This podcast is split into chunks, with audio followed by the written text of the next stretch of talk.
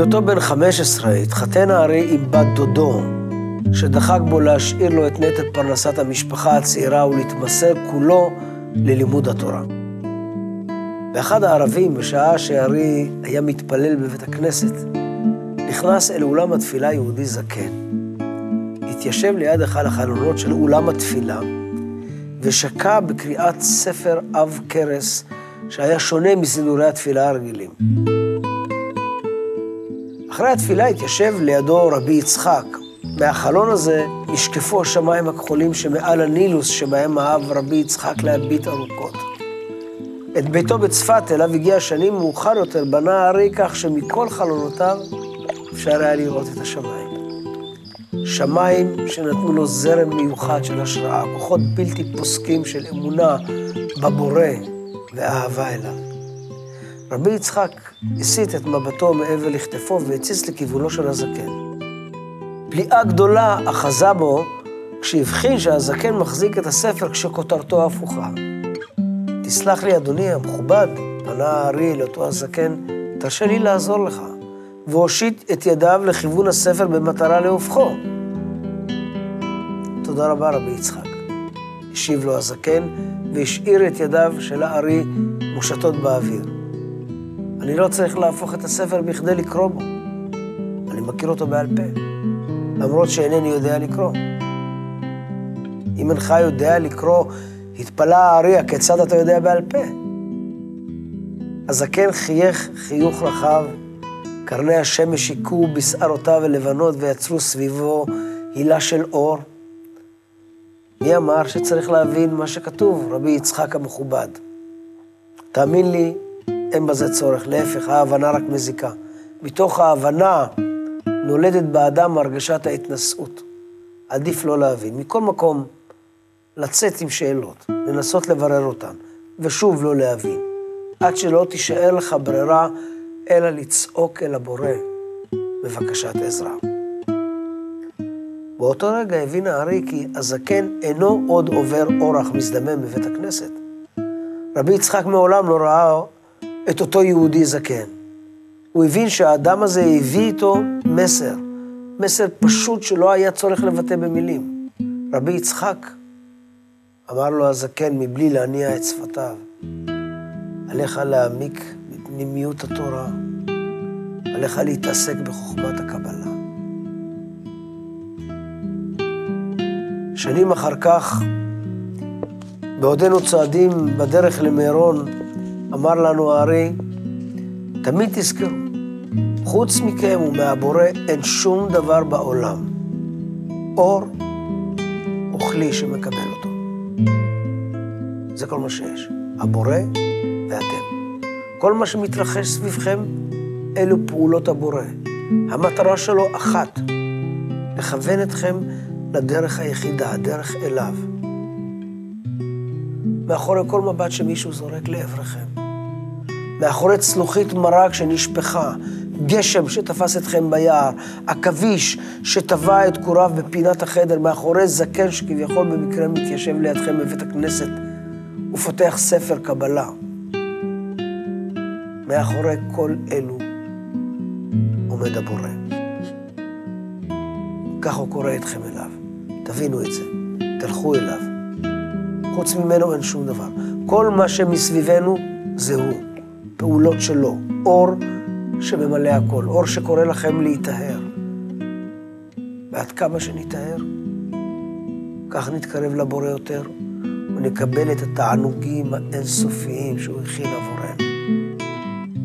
אין לך עשב מלמטה, שאין לו מלאך מלמעלה, מכה אותו ואומר לו, גדל. רבי יצחק היה אומר לנו, שוו בנפשכם, אתם עומדים על שפת מעיין המפקם מים טהורים וברצונכם לשתות. אתם טובלים את הכלי שלכם במי המעיין ונמזגים בו המים הצלולים. מי המעיין נובעים תמיד, טהורים תמיד, רק הכלי שלכם הוא הסיבה לייסורים. אם הכלי מלוכלך, לא משנה עד כמה צלולים ונקיים יהיו מי המעיין. בכלי טמא לא יורגשו המים הטהורים. הם יהיו בהתאמה מלאה לכלי המלוכלך. הם יביאו ייסורים. אם תטהרו את הכלי, תנקו אותו ביסודיות, אזי מי המעיין יהוו מקור של תענוג עבורכם. רק כך. רק כשתתקנו את עצמכם, שתתארו את הכלי הפנימי שלכם מהאנוכיות שטבועה בכם כחותם, תוכלו להרגיש את כל התענוגים הגדולים שהכין הבורא עבורכם. את האור הגדול שנמצא כל הזמן מסביבכם ומאיר לכם באופן קבוע. רק אם תתכוונו אליו, תשתוקקו אליו. רק כך תוכלו לטהר את הכלי הפנימי שלכם. קרני השמש שכבר עמדו בטבורו של הרקיע נשברו בעוברם דרך צמרות עצי חרוב לאלפי ניצוצות אור שריצדו על מרבט של עלים רקובים ותחב. מבליטים בכל רגע נקודה אחרת על הקרקע בהתאם לתנועת הענפים. חמורי היה לועס את ערימת האבוס שהנחתי לפניו כאילו אין בעולם כולו דבר מלבד אותה ערימת הקש. רוח חזקה, פתאומית, החלה לנשב מכיוון מערב, דוחפת, מזרזת קבוצה גדולה של עננים שחורים שהתאספו מעל הים. רתמתי את הבהמה העקשנית והמשכתי לטפס בזריזות במעלה ההר.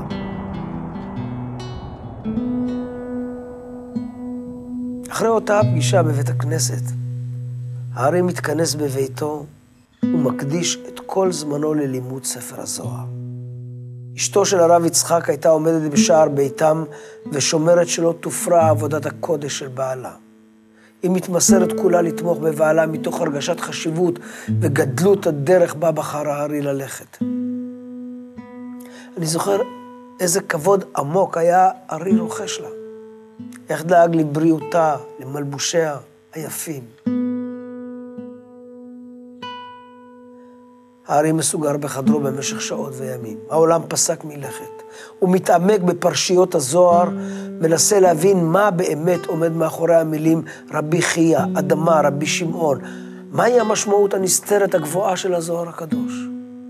צלחות האוכל שאשתו מניחה על מפתן חדרו מצטרפות אחת לשנייה בסמוך לדלת הסגורה. הארי לא עוזב את חדרו במשך ימים, כולו מכוון למטרה אחת, לפענח את סוד פנימיות התורה. מלכות, האנוכיות הסופית המוחלטת שנולדה בעולם אינסוף, נמצאת בצמצום ומקבלת את האור במשך ששת אלפים שנה. רק חיבור של מלכות עם שאר הספירות בונה כלי לקבלת האור. חיבור איטי ומדויק של האגואיזם המוטבע באדם עם תכונות הנתינה הטהורה של הבורא. חיבורים אלה נקראים שערים, מפני שהם נותנים לאדם אפשרות להיכנס לעולם הרוחני. שער אחרי שער נפתח בפניו של הארי, והוא, ללא פחד, עובר בהם, מעמיק יותר ויותר פנימה אל המקום המיוחד שמוביל אותו הבורא. נשמת האדם הראשון נשברה ל-600 אלף חלקי נשמה שנפלו לשבי במדור הקליפות. הצדיקים שמאירים את העולם שלנו גואלים את שברי הנשמות מהשבי ומורידים לעולמנו ניצוצות אור.